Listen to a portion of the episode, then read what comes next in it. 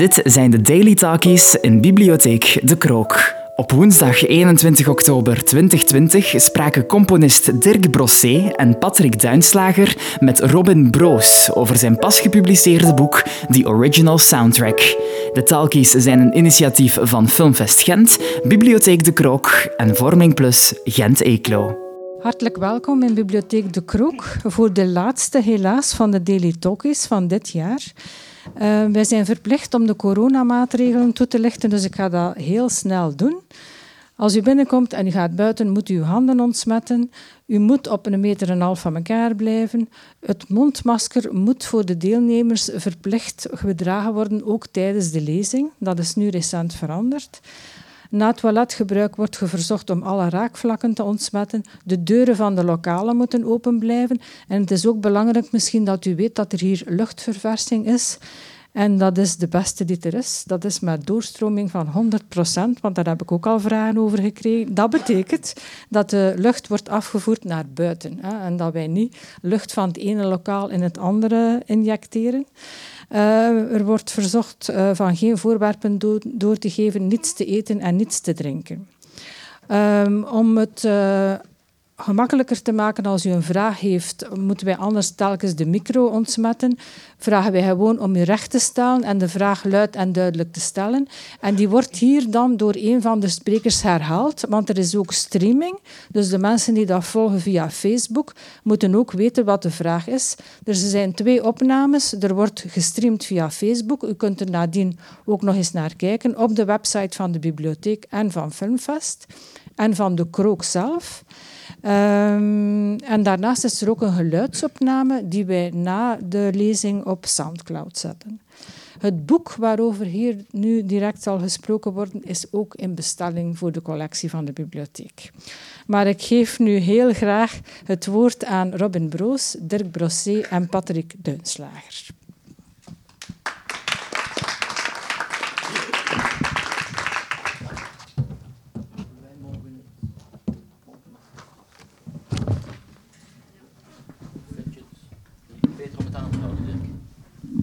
Is prima zo.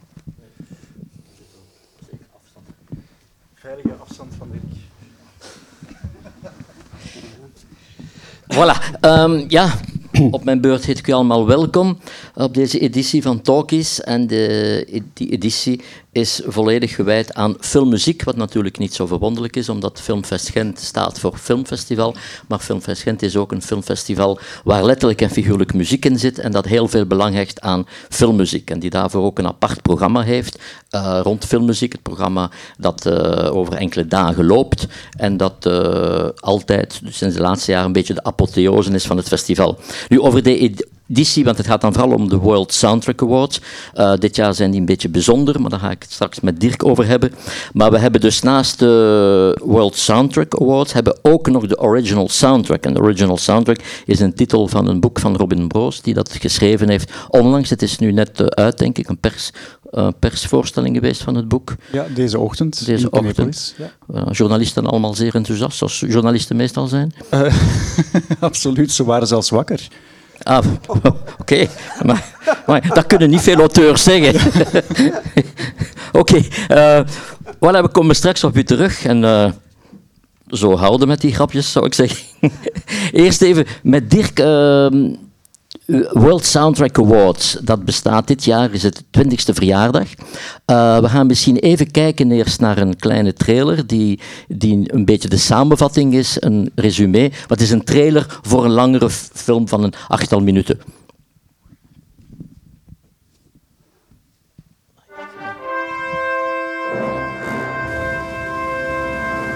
Welcome to the World Soundtrack Awards.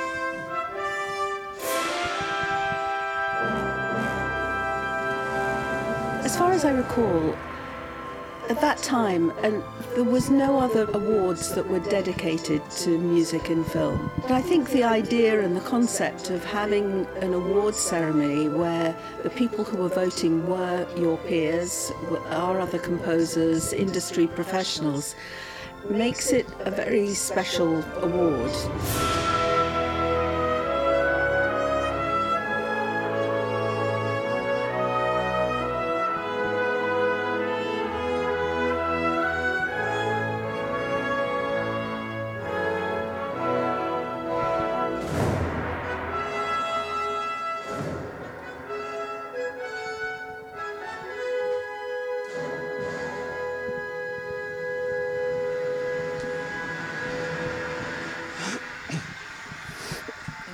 Ja, Dirk. Ehm, de 20 jaar WSA, dat betekent dat de eerste World Soundtrack Awards uh, uitgereikt werden in 2001.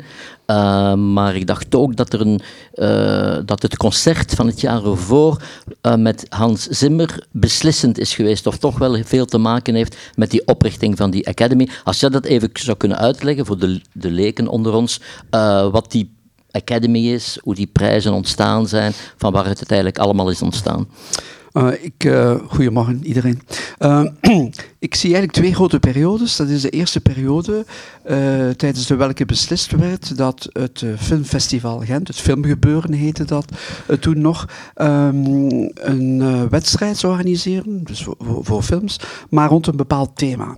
En het thema was de impact van film de impact van muziek, van filmmuziek op, op film. En daaruit voortvloeiend heeft dus Jacques Dubrul in de jaren 80, begin van de jaren 80, initiatief genomen, heel sporadisch, om af en toe een filmmuziekconcert te organiseren. Dat was in die tijd not done. Want men keek een beetje neer op filmmuziek. Men vond dat filmmuziek geen volwaardige kunstvorm was.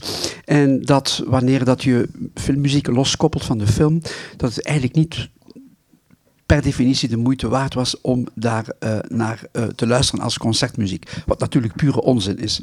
Um, dus uh, toen hebben ze bij Mondjesmaat één keer per jaar een concert georganiseerd. En, en dat smaakte eigenlijk naar meer. Want het geheim is altijd geweest dat men zoveel mogelijk de componisten naar hier probeerde te brengen. Die of zelf een muziek dirigeerden, of bijvoorbeeld in het geval van Georges Delerue, om maar één van de vele namen te noemen, die dan zelf aan de piano zijn eigen muziek speelde. En dat had wel een zekere aantrekkingskracht bij het publiek, omwille van de kwaliteit van de muziek, maar ook door het feit dat die componisten die die tot op dat moment uh, geen gezicht hadden. We kennen alleen de namen, maar die mensen hadden geen gezicht. Dus um, jaar na jaar werd dat eigenlijk uh, belangrijker en belangrijker. Soms werden er eens twee concerten georganiseerd. Ik herinner mij een van de concerten. Uh, ik was zelf toen nog uitvoerend muzikus. Was, uh, hadden ze François Glorieux en zijn big band uitgenodigd om een concert te doen in een van de zalen van de Decascoop. Hè. Dus de akoestiek, moet u dat voorstellen, dat was amper versterkt. De akoestisch was dat niet echt wat het had moeten zijn. In de jaren tachtig was ik ook dirigent van het Brussels International Youth Orchestra. Dat was een uh, verzameling van jonge, talentvolle, uitvoerende muzici. Ik herinner mij ook een editie 1986 was het, dacht ik, uh, dat we toen ook een concert deden met, met allemaal die jonge mensen. Ik herinner mij ook nog dat ik naar aanleiding van dit concert een uh, brief kreeg van de voorzitter van de Raad van Bestuur van Jeugd en Muziek dat het toch niet kon om uh, op te treden uh, op een filmfestival en alleen maar filmmuziek te programmeren. Ik heb dan nog altijd in mijn archieven zitten uh, van Luc Leitens, zaliger, fantastische kerel, maar die vond dat jonge mensen alleen maar Bach, Beethoven en Mozart moesten spelen en zeker geen filmmuziek. Dus ik heb heel mijn leven moeten, moeten vechten om toen al aan te tonen van kijk, filmmuziek is een zeer volwaardige kunstvorm. Dus al die concerten, die, die, dat ging eigenlijk in, in, in, in, in progressieve Uh, iedereen was daar zeer enthousiast over.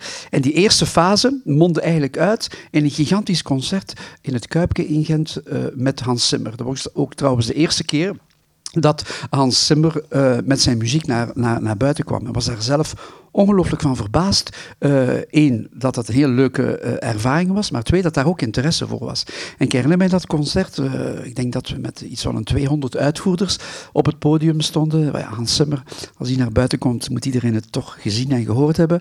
Dus een groot symfonisch orkest, een band, een Afro-European choir, het, het, het Vlaams radiokoor, enfin, noem maar op. Iedereen zat op dat podium. En met als hoogtepunt toch uh, Morgan Freeman, die dan de eerste award uh, uh, aan Hans Zimmer overhandigde. En dat was eigenlijk een beetje het sluitstuk van de eerste periode. En toen waren er een aantal mensen die zeiden van ja, moeten we dat niet een beetje officialiseren? Moeten we dat niet wat, wat, wat vormgeven? En um, de idee kwam van Christian de Schutte, die zei van laat ons een organisatie oprichten. Waarom niet de World Soundtrack Awards? Met die drie woorden zeggen we eigenlijk alles waar we voor staan. World Soundtrack Awards en de World Soundtrack Academy. En het is dat wat we dit jaar uh, ondertussen, na 20 jaar, uh, vieren. En dan om toch even de, de, de mensen ook te noemen die het, aan de grondslag liggen, is, is natuurlijk Jacques Dubrul en Marianne Ponnet. Die, zij had Jacques Brul, die de, op dat moment ook de directeur was van het festival. En Marianne, die denk ik de muziekprojecten deed. En die twee mensen hebben natuurlijk toch wel een, een, uh, ja, een pioniersrol gespeeld. Want nu lijkt het allemaal evident. Want het is ook zo dat sindsdien zijn er zoveel uh, gelijkaardige events overal ter wereld. Maar dit was toch denk ik ongeveer het, het eerste. Ja, het was het eerste, het allereerste. En Marianne had daarbij een zeer moeilijke opdracht, toch, om tot bij die componisten te, te, geraken. En uh, dat lukte uh, met heel veel doorzettingsvermogen en met uiteindelijk toch een heel mooi verhaal. Maar ik herinner mij dat een aantal van die componisten die in de eerste jaren werden uitgenodigd op de WSA, bijzonder verbaasd waren van, wacht eens even, u stelt mij een vraag om een concert te doen met mijn filmmuziek. Uh, veel van die componisten hadden zelfs een partituur niet meer. Want zo'n partituur wordt gemaakt voor de opname van de filmmuziek en nadien wordt dat weggegooid. Omdat er in die tijden amper een afterlife was. Nu is iedereen zich inderdaad bewust van het feit dat de afterlife in sommige gevallen veel belangrijker is, zo niet even belangrijk uh, dan, uh, de filmmuziek, uh, dan de filmmuziek zelf. Maar het klopt dat Marianne en, en, en Jacques ongelooflijk veel baanbrekend werk hebben gedaan. En eigenlijk ook ja, trendsetter zijn geweest. Want sinds, sinds dat wij die concerten op structurele basis doen in, in deze fantastische stad, zijn er heel veel collega's die komen kijken zijn, letterlijk. Ik herinner mij de, de, de artistiek directeur van het filmfestival, filmmuziekfestival van Krakau.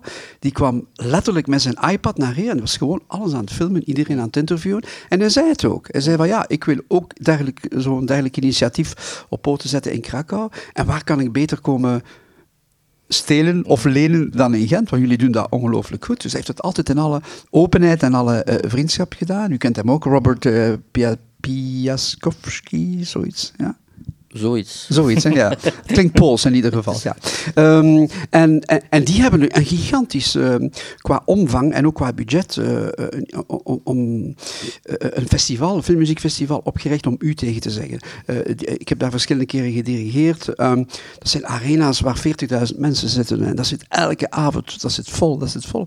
Maar met het filmfestival hebben wij daar uiteraard in het begin met leden ogen uh, gezien dat uh, Ubeda en, en, en Spanje en, en Frankrijk en nog vele andere plaatsen, met name Krakau, ook van die concerten deden. We dachten van ja, hoe moeten wij ons positioneren? Hè? Het, budget, het budget van Krakau is letterlijk twintig keer zo hoog dan, dan, dan, dan ons budget voor de, voor de concerten. Maar ik denk het geheim is, we zijn altijd uh, trouw gebleven aan onszelf. En voor mij is de WSA en alles wat daarmee verbonden is, wij doen eigenlijk aan filmmuzikologie.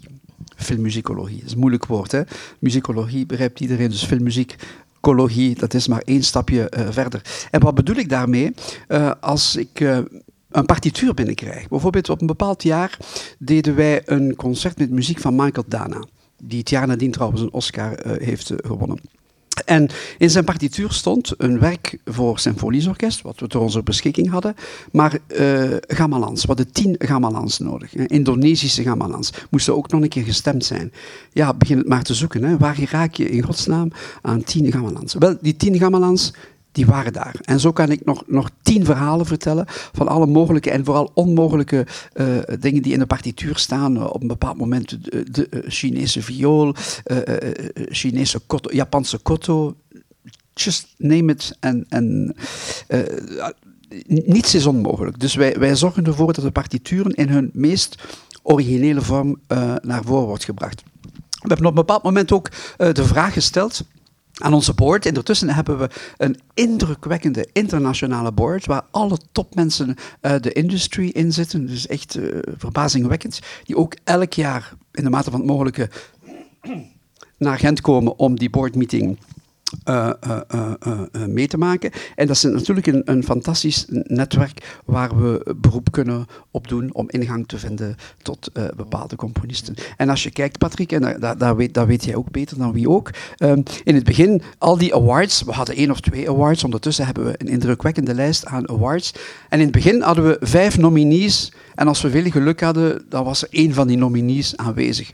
En nu is het omgekeerd. Nu staan ze echt te vechten om, om erbij te zijn. Sinds de laatste vijf, zes, zeven, acht jaar zijn bijna alle nominees, uh, die vanuit alle mogelijke uithoeken van de wereld komen, fysiek toch aanwezig.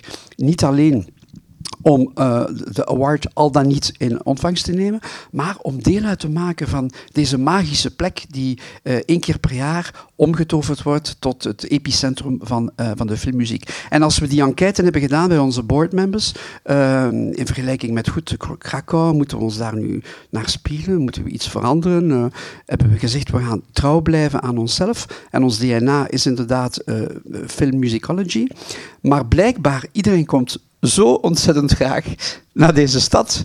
Dat staat bijna bovenaan het lijstje, even belangrijk dan, uh, dan de inhoud, de muzikale inhoud en de industry inhoud waar, waarom ze naar hier komen. Iedereen is zo uh, graag in deze stad. En het moment waarop iedereen uitkijkt, dat is onze jaarlijkse meeting in de pacificatiezaal. Wauw, mensen komen binnen en zeggen, zeggen van wauw, dat is een, een ontmoeting met de, met de geschiedenis.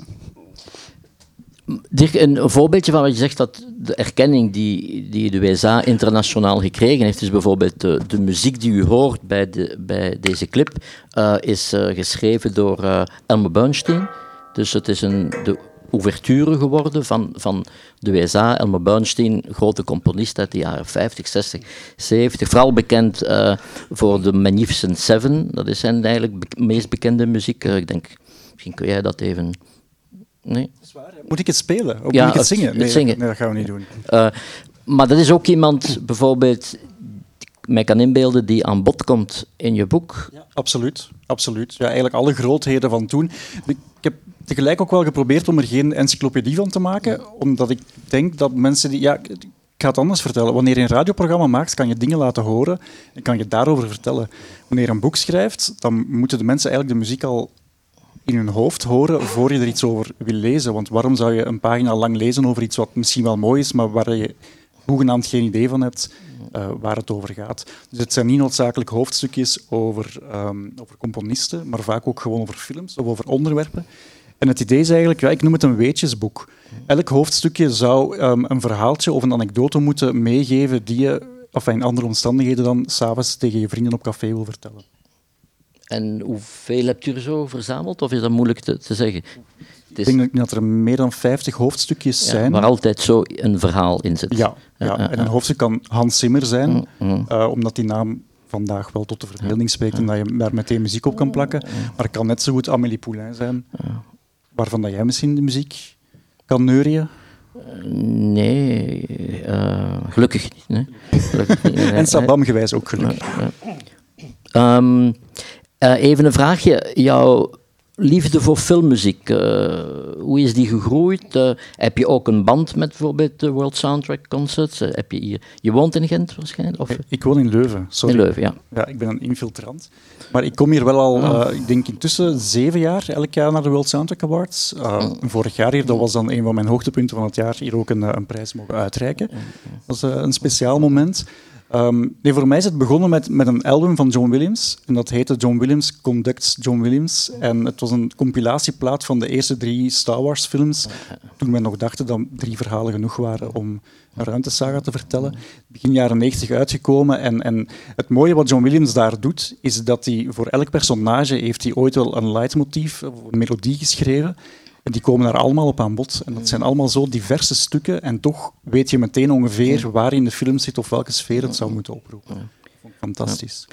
Interessant dat je John Williams noemt, want dat geeft mij een bruggetje om aan Dirk iets te vragen. John Williams, niet alleen een heel grote componist, maar in feite, want als je de filmgeschiedenis, de, film, de geschiedenis van de filmmuziek bekijkt, is John Williams die de symfonische traditie opnieuw op de kaart heeft gezet. Want toen hij begon filmmuziek te maken, eind jaren 60, werd de Hollywood cinema gedomineerd door jazz-invloeden, door elektronica, door pop- en rockmuziek natuurlijk. En was, die, was dat symfonische ik zeg niet doodgebloeid, maar toch veel minder aanwezig. En hij, bijna op zijn eentje, vooral door Star Wars als eerste film, uh, enfin niet als zijn eerste film, maar een film die zo verbluffend succes, Jaws en zo, hij is de man die de weer op de kaart heeft gezet. Maar Dirk, wou je even weten wat jij, uh, hoe kun jij als vanuit het vak uh, iets vertellen over John Williams? Wat maakt zijn muziek zo, zo grandioos? En ook persoonlijk, omdat jij toch een aantal van zijn concerten in Londen gedirigeerd hebt op het moment dat hij dat niet kon doen.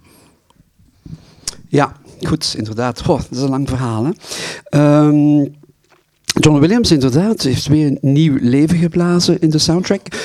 Door te componeren voor uh, symfonisch orkest. Zijn carrière begonnen als pianist, ook met name in de, jazzwereld. Dan is hij uh, als arrangeur gewerkt, dus muziek van anderen georchestreerd. Het is een, een, een fenomenaal vakman, fenomenaal componist. En waarom is hij fenomenaal? Om verschillende redenen. Uh, Eén, een van de moeilijkste dingen uh, waar een filmcomponist mee te maken heeft, is niet zo direct het componeren zelf, maar wat ga ik componeren? Je ziet een scène en hoe ga ik die scène muzikaal inkleuren? En er zijn verschillende manieren om dat te doen. Je kan ofwel we kwamen uit een, een, traditie en dat, dat heet Mickey Mouse. Hè? Dus Mickey Mouse valt van een trap en je hoort de harp die het... Bom. Dus met andere woorden, je hoort wat je ziet. En er zijn heel veel componisten, uh, en Maurice Jarre is daar bijvoorbeeld een, een, een, mooi voorbeeld van, die componeert wat hij ziet. Wat hij ziet. Hè? Lawrence of Arabia, je, je, hoort wat je ziet. Dan is er een uh, omwenteling gekomen en John Williams lag daarvan aan, aan de grondslag. Hij heeft gezegd van, maar waarom zou ik niet op een uh, alternatieve manier een auditieve invulling geven op wat ik zie? Met andere woorden, ik ga het publiek misschien op het verkeerde been zetten, of ik ga ruimte laten voor het publiek om zelf in te vullen. Dus die kracht tussen beeld en klank, die in een contrapuntische lijn ten opzichte van elkaar staat, dat is gigantisch. Dat is echt gigantisch, omdat je als kijker verward wordt in je onderbewustzijn. Je, je, je, je, wordt verward, want je ziet iets, maar dat klopt niet met de klank dat je hoort. En je, je gaat zelf nadenken, je gaat zelf dingen invullen.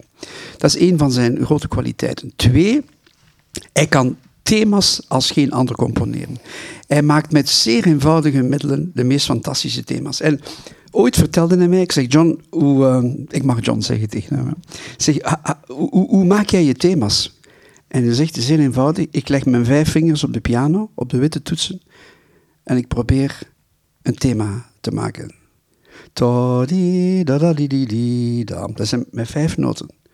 En ik, ik daag jullie allemaal uit, degenen die een beetje piano spelen, uh, om, om naar die thema's te luisteren, te kijken of je al dan niet een partituur hebt. En je kunt ze bijna allemaal spelen met je, met uw vijf vingers. Zeker jazz, daar heb je maar twee vingers voor nodig. Dat is met twee, twee noten.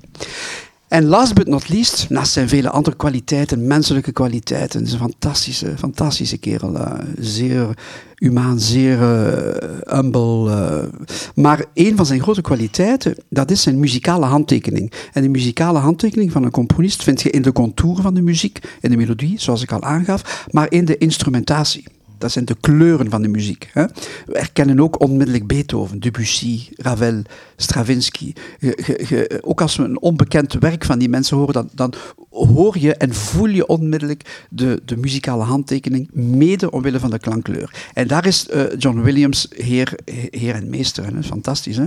Als je kijkt naar die, of luistert en kijkt in mijn geval naar die partituren. Um, dat is fenomenaal. Heel veel filmmuziek um, uh, beperkt zich tot, tot, tot een soundscape-achtige uh, uh, partituur die, die, die, die, die de moed weergeeft, waarbij dat je indrukken krijgt, dat zijn bijna muzikale abstracte vlekken die, die, die je hoort, waarbij al dan niet soms een contour aanwezig is, lees de melodie, en ook al dan niet soms een, een, een ritmiek.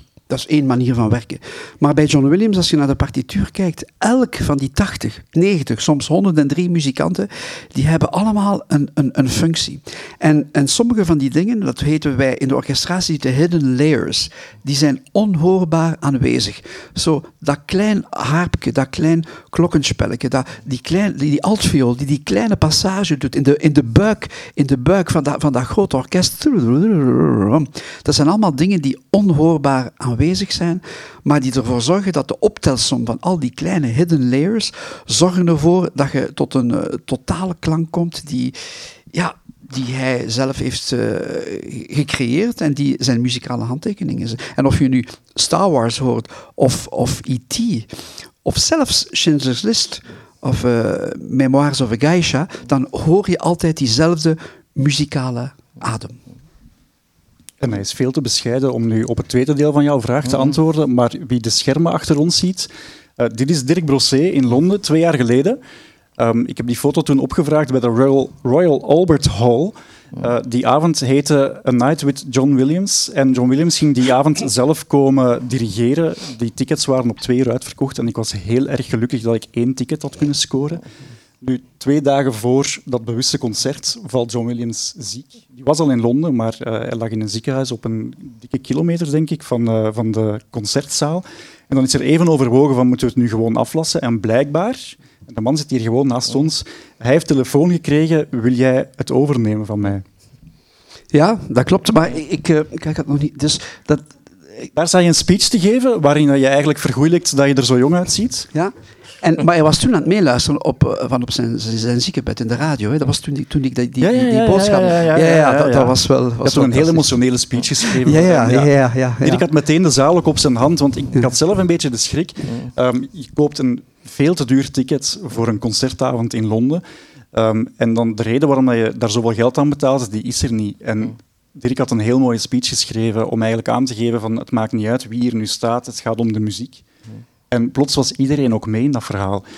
Ik heb mij toen laten vertellen door iemand van de, van de zaal dat er eigenlijk maar tien mensen of zo gevraagd hadden om hun geld terug te krijgen. En die tickets waren meteen ook terug verkocht, omdat iedereen er die avond wou bij zijn. Dat waren die tien mensen die een foto wilden met John Williams. Klopt, ja. Um, ja, John Williams even een brug maken naar, naar, een, naar het, het, idee van hoe de waardering rond filmmuziek in het algemeen. Uh, ondanks het feit wat jij legt uh, heel, heel ja, technisch uit waarom die muziek van John Williams zo fenomenaal is. er bestaat geen twijfel over dat jij uiteraard filmmuziek als een volwaardige kunsttak van de, film, van de muziek beschouwt. Maar van waar komt dat hardnekkige toch nog tegenstand soms van filmmuziek? En ook dat zelfs iemand als John Williams lichtjes gefrustreerd, ik weet niet of dat misschien een beetje overdreven is, omdat zijn niet filmmuziek, want hij, maakt ook, hij schrijft ook andere muziek, dat hij, dat hij op, uh, voor die composities niet genoeg naar uh, waarde wordt geschat. Ik herinner mij de eerste keer, uh, een heel kleine anekdote. Um, kreeg ik een telefoon. Ik had hem een paar keer ontmoet in Los Angeles, naar aanleiding van de ASCAP Awards. Uh, is zoiets zoals uh, Sabam, de vereniging. En uh, toen werd ik voorgesteld, maar ja, die man werd aan honderd mensen voorgesteld. Oké, hello, how are you? En dan next one, next one. Um, ik heb ook niet veel aandacht aan besteed. maar blijkbaar kende hij mij toch wel uh, beter van mijn activiteiten dan ik zelf dacht. En toen ik echt, een long story short, ongeveer, uh, ik denk tien, tien, jaar geleden, kreeg ik, kreeg ik een telefoon van hem op een maandagochtend. En ehm, de vraag was, ben jij vrijdag vrij? Ik dacht, dit is een heel hallucinant moment. Zo van, ben je vrijdag vrij? Ik zit in België. Ik zeg, oké, bon, pak mijn agenda. En ik zeg, uh, ja, ik ben, ik ben vrij, vrijdag. Uh, zegt hij, voilà, um, we zouden graag hebben dat u een uh, opname komt doen in Los Angeles. En als, als het oké is voor u, zullen we wel eens een gereedheid brengen. Dus ja, ik ben naar Los Angeles gevlogen en um, ik kreeg dan een stapel partituur, waarvan ik de helft natuurlijk al, al, al kende, helft niet. En uh, wat is er gebeurd? Um, ze waren een uh, wereldtournee aan het voorbereiden met muziek van John Williams. Um, en er was een dirigent gevraagd, goede dirigent, uh, maar die kon niet om met de synchronisatie tussen beeld en klank. Hè? Want als je dat soort van, van jobs doet, dan, dan, moet je een soort in, in, inwendige klok hebben, zodat de muziek uh, perfect uh, kan uh, verlopen met, met, met, met het beeld. Daar zijn systemen voor, click-track systemen. Je ziet soms op concerten muzici met, met, met zo oortjes in zitten en dan horen ze constant in hun oren zo klaak, klaak, klaak, klaak. Met alle gevolgen van die. Je, weet niet meer wat je zelf aan het doen bent, laat staan dat je geconnecteerd zit met je, met, u, met, u, met buurman. Maar die dirigent slaagde daar niet in om dat te doen. Dus ik werd uh, on board gehaald dankzij Filmfest Gent. Want Nancy Knudsen was toen uh, head of uh, film en music bij ASCAP. En dat werd besproken. Ze was ook de assistente van John Williams. En ze zei, I know a guy. He lives in Gent. Give him a call. En zo is het eigenlijk gekomen. Dankzij, dankzij, dankzij Gent. En dankzij, dankzij het filmfestival. Dus ik kwam daartoe in, in de Fox Studio. Um, en daar zaten uh, de Los Angeles Philharmonic. Niet, niet, niet, niet, niet, niet de minste. En... Um, mij werd ondertussen, het was duidelijk wat mij werd gevraagd. En het eerste wat ik aan de muzikanten zei, van kijk, uh, we gaan get rid of the click. We gaan, dat zonder klik doen. Ik ga dat gewoon op het gevoel doen. Dat is zo echt dansen op een, op een quote en zeggen van, doe dat vang net maar weg. Doe het maar weg. Als ik val, ben ik dood. Bij wijze van spreken. En, um, maar ik was toch Zeker van mijn stuk, omdat ik dat al ik weet niet hoeveel keer gedaan had. En ik had dat ook geleerd. Waar heb ik dat geleerd? Ik heb dat hier allemaal geleerd. Op het filmfestival heb ik dat allemaal geleerd. En um, dus die eerste cue, dat was goed. Tweede cue, derde cue, vierde cue. Ik herinner me nog, want George Lucas was daar en, en, en nog andere producers en zo. En John Williams, die kwam heel enthousiast uit, uit de booth. En die embrasseerde mij. Toen, toen, toen mocht dat nog. Embrasseerde mij en... en he hugged me and he said, wow, fantastic, you got the job. Maar toen wist ik niet wat de job was. Ik dacht echt dat het om een concert of om een opname ging. En de job was iets meer dan uh, eh, 180 concerten over een periode van, van drie jaar over de, over de hele wereld. Uh, dat was fenomenaal. En dan heb ik John voor de eerste keer echt goed leren kennen en op een persoonlijke manier kunnen benaderen. En toen ik hem zag, ik weet het nog altijd, ik zeg van, ah, dit is echt voor mij zo'n belangrijk moment in mijn leven, want een van de eerste platen die ik gekocht heb waar ik weg van was in de jaren zeventig, was een muziek voor Star Wars. Ik zeg, oh, ik, zeg ik heb het gevoel dat ik, de, dat ik de god van de filmmuziek aan, aan, hier aan tot moeten wennen. En hij zei, ja, zegt hij, ja, maar het is toch maar filmmuziek. Ik, ik was zo uh, ontgoocheld door dat antwoord. Ja. Want hij zei dan, ik zeg, ja, wat bedoelt je daarmee? Ja, zegt the real masters are out there. Mahler en Beethoven en Chopin. En hij noemde dus alle, alle grote componisten op. En dat, dat, dat, dat, dat verbaasde mij, dat zo iemand, die weliswaar in een niche zoveel uh, aandacht krijgt uh, van de hele wereldbevolking eigenlijk, dat die op die manier over zichzelf spreekt en nadenkt. Ja, een mooie quote die, die, John Williams vorig jaar gaf in een interview met de Amerikaanse radio. Hij was aan het vertellen over Schindler's List en dat hij die opdracht kreeg van, uh, van Steven Spielberg. En iedereen wist ook, dit gaat een heel beladen film worden. Die, die, muziek moet echt goed zitten. En hij moet tegen Spielberg gezegd hebben, ja, sorry, maar ik ben daar echt niet goed genoeg voor. Ik wil een, zoek maar een betere componist. En Spielberg had geantwoord, maar al die componisten zijn dood, dus ik ga het met jou moeten doen. dat is een mooi antwoord. Uh, van dode componisten naar levende componisten.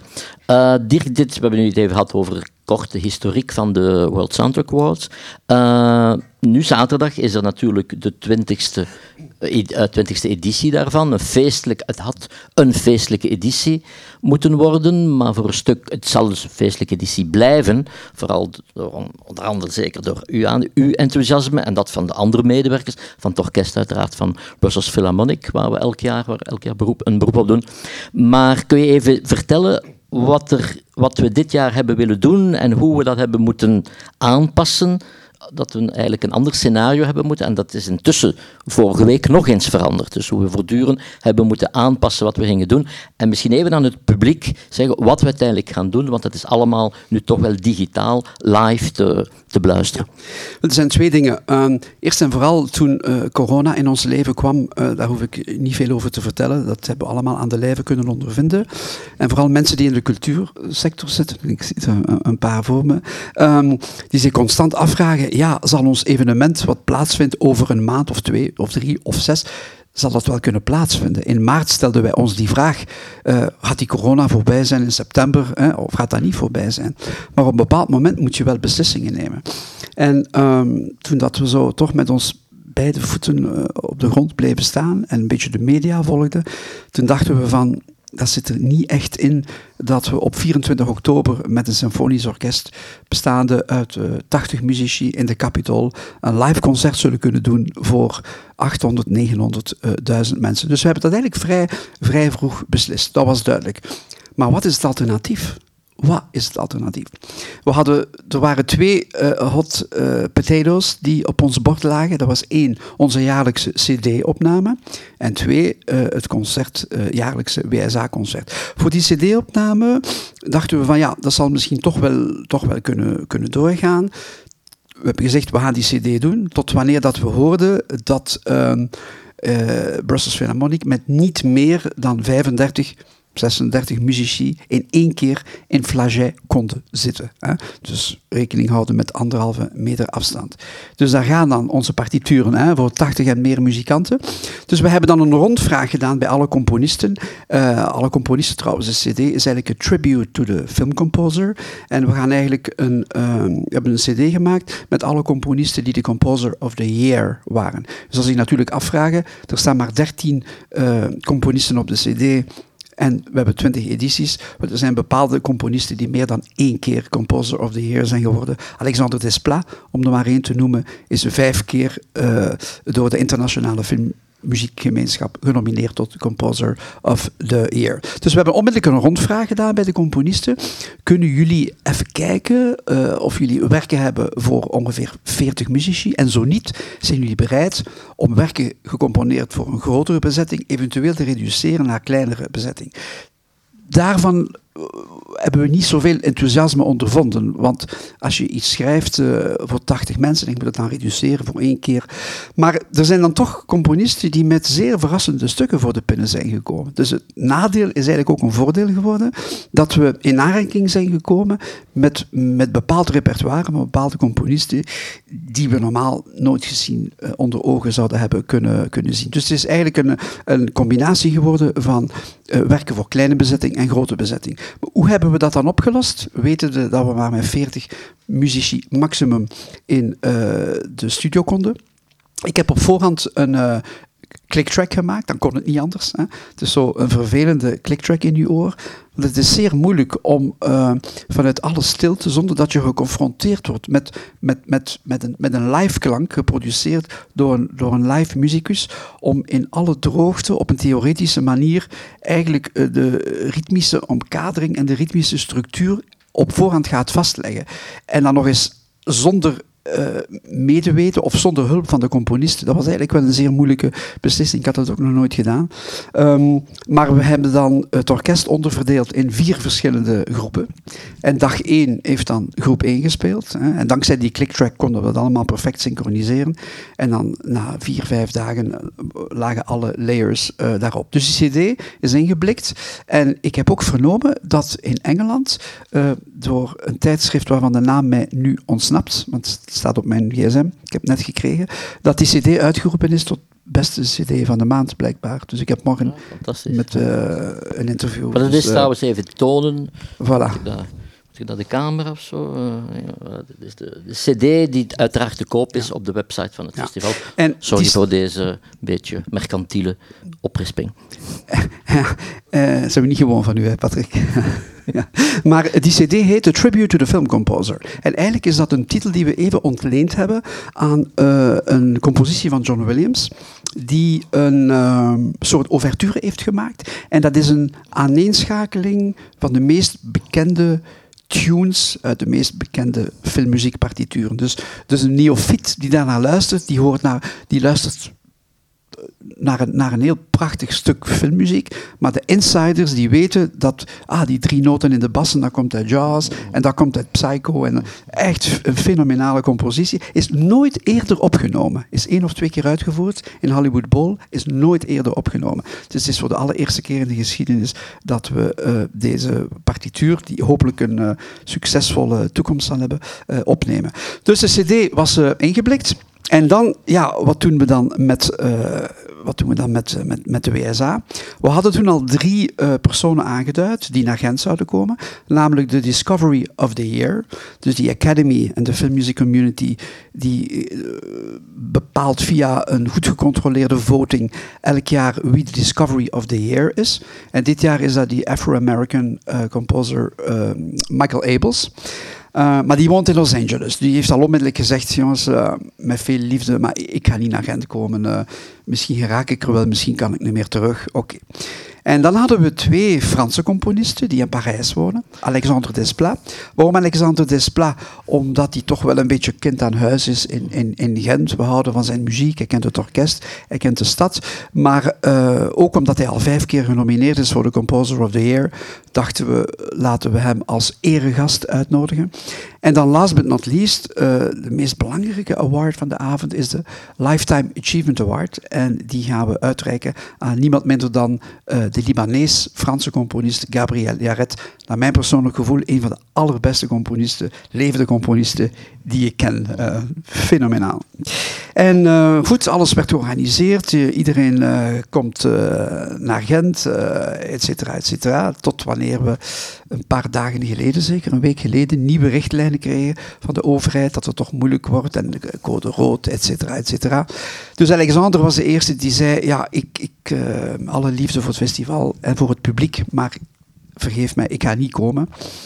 En um, dan hebben we gezegd, goed, uh, dat, dat, stond eigenlijk al vast. We gaan de, een livestream show maken, eigenlijk een beetje een tv-show, waarin dat we de muzikale stukken op voorhand gaan opnemen. Uh, maar dat kan ik niet, of konden we niet in verschillende layers opnemen. Dus daar hebben we aan de componisten gevraagd van, je moet partituren aanleveren die kunnen gespeeld worden met 40 muzici. Ze hebben prachtig repertoire aangeleverd. Dat hebben we allemaal ingeblikt met Brussels Philharmonic in Flaget gisteren en eergisteren. Maar zondagochtend, heel vroeg, kreeg ik een sms van Gabriel Jarret die zei: Ik ga niet komen. Niet alleen naar de WSA, die ondertussen ook is afgelast, maar uh, Gabriel zou piano spelen in zijn eigen werken. Zegt hij: Ik ga morgen niet naar Brussel komen, want ik vind het veel te gevaarlijk. Uh, door het feit dat we elkaar goed kennen en dat we echt boezemvrienden zijn, ik heb hem onmiddellijk opgebeld. Ik heb gezegd: Gabi, je kunt dat niet maken. We zullen er alles aan doen. Desnoods laten we een bubbel rond u bouwen, maar je moet, je moet komen. Dus we hebben alles op een fantastische manier georganiseerd. Ik heb hem overtuigd. En gisteren um, is zij, eergisteren liever, is, zij dan toch um, naar Brussel gekomen met de taxi, rechtstreeks naar zijn hotel. Dan eh, hebben we ervoor gezorgd dat hij met niemand contact had. Hij heeft uh, op een fantastische manier piano gespeeld. Zeer, zeer emotioneel, zeer, zeer mooi. Hij heeft ook zijn thank you uitgesproken. Ik heb hem ook de um, award virtueel uh, overhandigd. En we gaan al die stukken monteren in de livestream. Dus eigenlijk gaan we zaterdag kunnen kijken in de Decascoop als de randomstandigheden het, toelaten, tenzij dat er andere instructies komen, zullen we uh, livestream bij u thuis de WSA in tv-format uh, kunnen bekijken. Maar voor diegenen die willen of uitgenodigd zijn, ik weet niet hoe dat precies werkt, zullen het ook op uh, groot scherm kunnen zien. Het is eigenlijk ons nadeel dat we niet met 100 muzikanten, 80 muzici met uh, bekende componisten aanwezig voor onze jaarlijks terugkomende sympathisanten en publiek zullen kunnen optreden. Dit nadeel is eigenlijk een beetje omgebogen naar een voordeel, want nu kunnen we we can reach out to the entire world. En uh, als je het mij vraagt, uh, denk ik daar naar de toekomst toe ook al op een andere manier over na. Ik vind dat we in de toekomst zeker moeten kunnen overwegen om het lifetime gebeuren te houden. Dat is heel, heel belangrijk. Uh, veel muziekliefhebbers willen hun heroes zien en horen. Maar op een of andere manier zouden we een, een, een, een werkwijze moeten vinden dat we van die live show ook een soort tv-format kunnen maken, uh, dat we dan nadien ook uh, kunnen streamen. Om nog even uh, bij Jaret te blijven, want het is dus de CD. Zijn bijdrage, wat we, wat we gekozen hebben van hem, dat is de muziek uit Troy. Het is misschien een interessante case, omdat dat een van de zoveel voorbeelden is van wat men noemt rejected score. Dat zijn componisten die een score maken voor een film en dat wordt dan eigenlijk geweigerd. De regisseur soms, maar vaak is dat meer de studio en is dat om allerlei soms vaak moeilijk te doorgronden, commerciële redenen. En iedereen, heeft dat, iedereen is dat tegengekomen. Misschien even vragen aan Dirk om er iets meer van te vertellen. En ook zelfs de allergrootste uh, ja. hebben die ervaring gehad. Wel, ik zal iets zeggen over Troy en dan speel ik even de bal naar, uh, naar Robin, die daar misschien in zijn boek ook over praat. Maar uh, ja, Troy is een, um, een film die smeekt om een, om, om, een, om een fantastische originele score. Een, een, als je het mij vraagt, een niet, niet Hollywoodiaanse score. En uh, de filmproductie is terechtgekomen bij, bij Jared die daar inderdaad een, een, een, een, een score van formaat heeft voorgeschreven. Voor grote koren, vocale solisten, symfonieorkest, symfonieorkest prachtig georchestreerd. Of ik heb dat net al allemaal gezegd waarom ik hem zo uh, waardeer. En uh, op een bepaald moment uh, was de muziek al gemonteerd onder de film. Er was een screening aan de gang in Los Angeles met een testpubliek. En dat testpubliek werd gevraagd om na de visie om een aantal vragen te beantwoorden. Vond u de acteur goed? Vond, en de laatste vraag was, wat vond je van de muziek? Hè? Is de muziek blijven hangen? Kan je de tunes nazingen? Kan je, wat vind je van de muziek? Op datzelfde moment was Gabriel nog muziek aan het opnemen en aan het mixen in Londen. Hij krijgt een telefoon van de producer. Dus alles was ingeblikt. Hè? Dus moet je dat een gigantische, gigantische uh, uh, apparaat. Hè? Weken aan een stuk in, in een studio met, met, met, met, met, met honderden, tientallen muzikanten. Dus dat kost fortuinen. En Gabriel krijgt een telefoon en de stem aan de andere kant zei: Your score is rejected.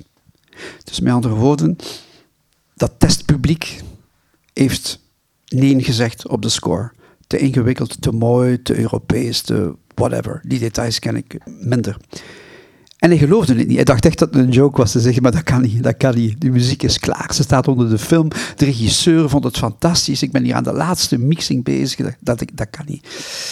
En bleek dus toch wel, uh, toch wel waar te zijn. En um, ja, heeft toen een zeer grote uh, inzikking gehad. Bovendien, Bovendien was hij geen eigenaar meer van de muziek. Want als je muziek schrijft voor vele filmproductiehuizen, vooral in de Verenigde Staten, dan teken je al je rechten af. Dus je krijgt een fee om te componeren, maar je verkoopt alle rechten op je muziek. En je hebt geen andere keuze. Het is dit of niks. Dus hij heeft daar een heel flinke fee voor gekregen. Was geen eigenaar meer van uh, zijn muziek. En uh, ja, de rest is history. En um, we zijn er toch in geslaagd, tien jaar post factum, zijn we er toch in geslaagd uh, om, naar aanleiding van de CD die we hebben gemaakt, om uh, de oorspronkelijke rechthebbenden, en dat is Warner, als ik me niet vergis, uh, Thomas knikt van ja, uh, dat is Warner, hebben we ze een toch zover gekregen om speciaal voor deze gelegenheid dat ze de partituren ter beschikking hebben gesteld. Om toch deze muziek wereldkundig te maken. Want Gabriel Jarets had alle partituren uiteraard, maar ook alle opnames bij hem thuis, maar hij mocht er niets mee doen. Hij mocht er niks mee doen. Hij mocht, zelf, hij, hij, mocht zelfs geen cd'tje naar, naar mij sturen uh, of, of zelfs iets op het internet zetten. Dus vorig jaar hebben we uh, voor de eerste keer die partituur uh, gespeeld zonder toestemming. het was de 70ste verjaardag van Jared in, um, in Beirut, in Libanon. En toen heb ik met het Nationaal Orkest van Libanon toch één track kunnen spelen, maar zonder toestemming. We hebben gezegd, we zullen wel zien. We hebben daar uiteraard niks, niks over gehoord. Het was zijn verjaardagsconcert bovendien. Het was in, in, in, een intieme setting, waren 700, 800 mensen. Maar dit jaar natuurlijk een officiële CD, World Soundtrack Academy. Uh, we konden ons niet permitteren om het op te nemen zonder toestemming. Dus we hebben die toestemming gekregen en ik ben zeer blij dat het op de CD staat. Maar Robin, je hebt zeker nog voorbeelden. Ja, meer zelfs. Um, toen Jared van die score is gehaald, heeft hij zijn opnames toen gewoon online gezet voor het grote publiek. En toen heeft Warner advocaten daarop gezet om dat meteen te laten weghalen. Zo erg kan dat gaan, en, of kan dat zijn. En, en er zijn ontzettend veel scores die zo ergens in, in kluizen, in archieven of misschien zelfs gewoon volledig kwijt zijn. Ik denk het beroemdste voorbeeld is uh, Alex Noor, die um, gevraagd was voor de film uh, Space Odyssey om eigenlijk ja, muziek... We kennen Space Odyssey eigenlijk vooral van de, van, van de muziek van, van, van uh, Schubert, die daaronder zit, en, en Ligeti. En eigenlijk kreeg North de... Sorry, Strauss, um, Ligeti... En, en, en, en, en, en um, North had de opdracht gekregen om muziek te maken die daar een beetje op leek, want die andere muziek was gebruikt als tijdelijke muziek eronder. En wat is er gebeurd? Um, Kubrick was eigenlijk nog altijd overtuigd dat de originele muziek die hij gebruikt had, hè, waarom, waarom een valse Ligeti gebruiken als je de echte kan gebruiken, heeft gewoon alle muziek van die nieuwe componisten, die nieuwe muziek, gewoon geschrapt. En Alex North heeft dat eigenlijk pas gemerkt tijdens de première. Dus was, ze waren wel zo lief geweest om een kaartje te sturen voor de wereldpremière, maar Kubrick had uh, niet het fatsoen gehad om op voorhand even te bellen van hey Alex, ik heb niks van, u, van uw muziek over, uh, overgehouden. Uh, die muziek is wel intussen legaal verschenen. Ik denk een jaar of twintig later heeft Jerry Goldsmith die gedirigeerd in Londen en dus die, die is wel te horen. En jullie hebben hem hier ook gebracht, hè, twee jaar geleden, tijdens een van de filmconcerten voor of na de WSA. Dat was een, een idee van Patrick, hè, dat concert. Een legendarisch concert, hè? Ja. Ja, ja. ik leef nog altijd. Dus. ja. Um, ja. Maar in het boek staat een hoofdstukje met effectief rejected scores, een paar van die, van die voorbeelden. Want moest ik ze allemaal opsommen, dan, uh, dan kan je een heel dik boek schrijven. Interessant om daar nog iets, iets over te zeggen. Daarnet zagen we ook een foto van de, de onlangs overleden Poolse componist Penderecki, die eigenlijk aanzien wordt als een van de meest belangrijke componisten van de 21ste, maar vooral tweede helft 20e eeuw. Um, maar zijn muziek heeft eigenlijk, eh, in het begin van zijn carrière heeft hij heel veel uh, theater- en filmmuziek geschreven voor compleet onbekende Poolse films. Uh, tientallen, honderden, honderden producties. Maar hij is vooral bekend en geapprecieerd geworden in de wereld van de filmmuziek, omdat bepaalde regisseurs en producers zijn muziek hebben gebruikt als filmmuziek eigenlijk. En uh, dat is, uh, daardoor is hij eigenlijk in, in, de wereld van de filmmuziek ongelooflijk belangrijk geworden. Ja, The Exorcist. Bijvoorbeeld. Uh, Kubrick in The Shining.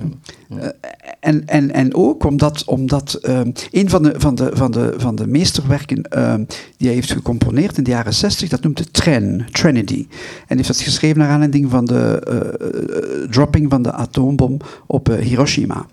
En um, daar heeft hij een, een, een, concept ontwikkeld waar hij een stuk geschreven heeft wat alleen voor strijkorkest, voor 48 solisten, 48 verschillende solisten, dus iedereen heeft een afzonderlijke partituur, maar waar hij vooral zich heeft geconcentreerd op de, op de klank. Welke klanken kan je voortbrengen op een uh, snaarinstrument? Hè? Je hebt uh, metaal, dus de snaar is metaal, en je hebt hout. Maar je hebt ook een boog. Je hebt een strijkstok. En met die strijkstok kun je ook dingen doen. Je kunt met je strijkstok je snaren bestrijken. Je kunt ook met het, het, topje van je, van je strijkstok op je, op, je, op instrument tokkelen, maar je kunt ook met, met, met je stok op je pieter slaan. En je kunt ook je kunt allerlei dingen doen. En daar heeft hij over nagedacht en een fantastische compositie gemaakt, die, die ongelooflijk vernieuwend is. En je merkt dat heel veel jonge uh, componisten in de ruimste ruimste betekenis des woords, maar ook heel veel uh, jonge filmcomponisten zich daardoor hebben laten inspireren door dat, door dat uh, klankuniversum. En ik herinner mij, vorig jaar op de WSA hebben we zo'n compositie van, van hem gebracht en uh, everybody was blown away. Ja. Inderdaad.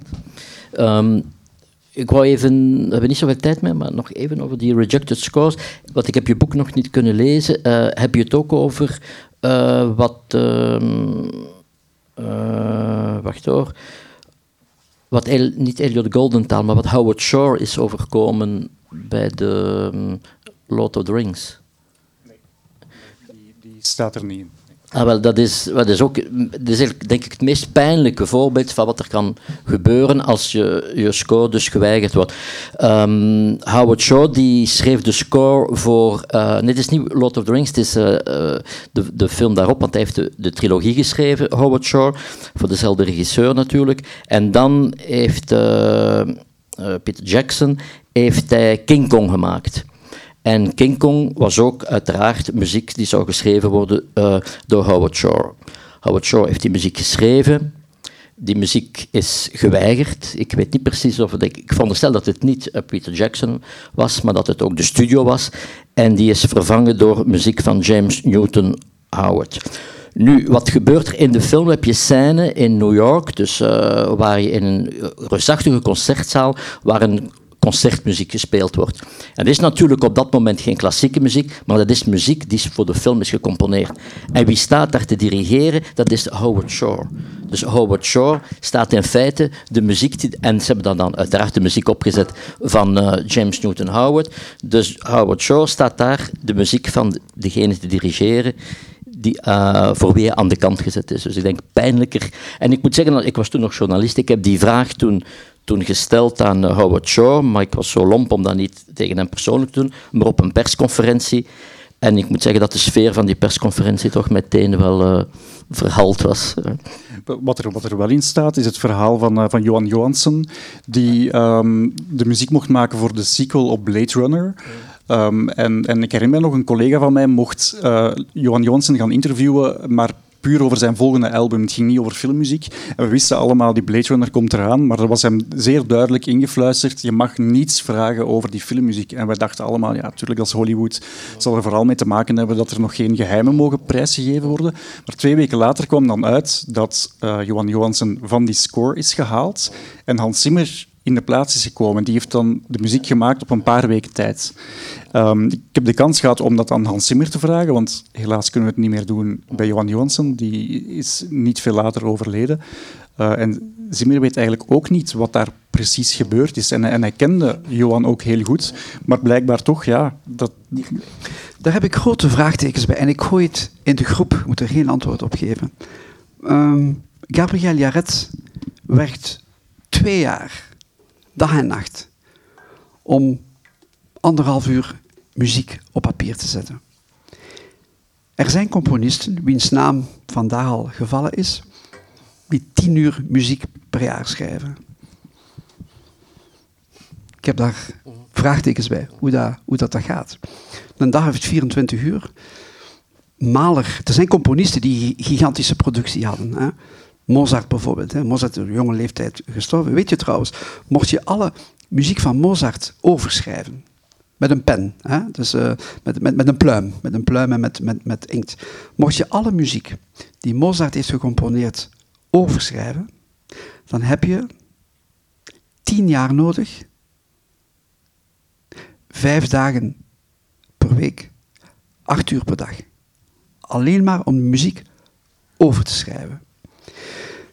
Mozart is, is, een genie en er zijn natuurlijk nog, nog genieën. Maar ik stel mij de vraag, als ik bepaalde, als ik de productie bekijk van bepaalde componisten, en we gaan geen namen noemen, hè, we blijven beleefd en charmant, maar hoe, hoe, hoe, dat, in elkaar, hoe, dat in, hoe dat in elkaar zit. Hoe dat in elkaar zit. Maar ik zie al die partituren komen. Hè. Ik heb tonnen partituren thuis.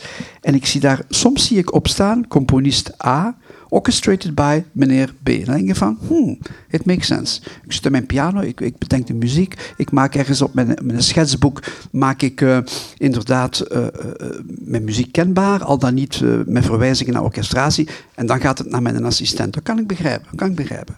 Maar ik heb ook tonnen, tonnen partituren liggen, echt tonnen, hè, waar ik één naam zie opstaan. Dan denk ik, ja, van, tja, misschien de naam van de orchestrator vergeten, of misschien die persoon dat allemaal zelf. Uh, ik gooi dat maar even in het midden, om daar even bij stil te staan. Wel, ik denk met deze, deze woorden dat we, uh, ja, onze tijd is, is op. Ik wil nog, toch nog even, uiteraard, mijn gasten bedanken. Dirk, bedankt voor je, zoals altijd, heel deskundig uitleg. Ik ben altijd gefascineerd als ik jou over muziek hoor uh, praten. Ik ken heel weinig zelf van het technische van filmmuziek, maar jij weet het toch ook voor een leek als mij zeer uh, ja, begrijpelijk te maken. Dus als jij het begrijpt, Patrick, zijn er nog mensen die het begrijpen? Dan begrijpt iedereen. Dan, is En natuurlijk Robin ook uh, bedankt. En ook, ja, ik heb je boek nog niet gelezen. Ik zal dat met plezier doen, uiteraard. Maar uh, ik wil je ook bedanken dat je zo'n boek maakt, want dat is toch ook iets dat zal bijdragen, zeker als je zegt dat je het niet zo technisch gehouden hebt, bij een breder publiek om filmmuziek meer, dat dat nog meer geapprecieerd wordt. Ik, ik wil nog één ding laten zien, um, want die -hmm. titel die gebruiken we ook op Clara. Uh, Jeroen, Jeroen Struijs en ik maken daar een programma onder die naam, maar je hebt daar zelf ook een programma gemaakt onder dezelfde naam, ook op Clara, die original soundtrack. Uh, maar om te bewijzen dat wij die titel niet zelf bedacht hebben, uh, heb ik het, het, origineel meegebracht. Dit is een... We mogen niks doorgeven, heb ik daar juist gehoord. Maar dit, dit is dus de allereerste en ook een eerste uitgave uit 1940. De allereerste platenhoes waar de woorden die original soundtrack op staan. Ah, een plaat uit 1940, Pinocchio. Dus het is de schuld van Walt Disney. En hoe ben jij daaraan geraakt? Dan? Ik heb die tweedehands gekocht deze zomer. Ah. Ja. Um, ik heb daar niet te veel geld voor betaald. Ja, dat lijkt mij een fantastisch uh, artefact. Ja, absoluut. Je kan de platen ook niet afspelen, want dat is nog op een, een compleet ander toerental. Ja, wat is het? 72 of, wat, ja. of 76? 78. Ja. Gelukkig is Dirk altijd in de buurt voor de, de juiste details. Oh, Dirk is de enige onder ons die kan tellen. Dirk, bedankt. Bedankt, Robin. En, eh, u ook, dames en heren. En ja, als u, ik hoop dat, u toch, dat we voldoende interesse gewekt hebben, dat u zaterdag om eh 8 uur stipt zal op de website van Filmfestival of de website van eh, World Soundtrack Awards zal luisteren en kijken naar deze toch wel unieke editie. Wij hopen dat het uniek is, want wij hopen volgend jaar er toch weer 100% live te zijn. En we hopen hetzelfde van u. Dank u.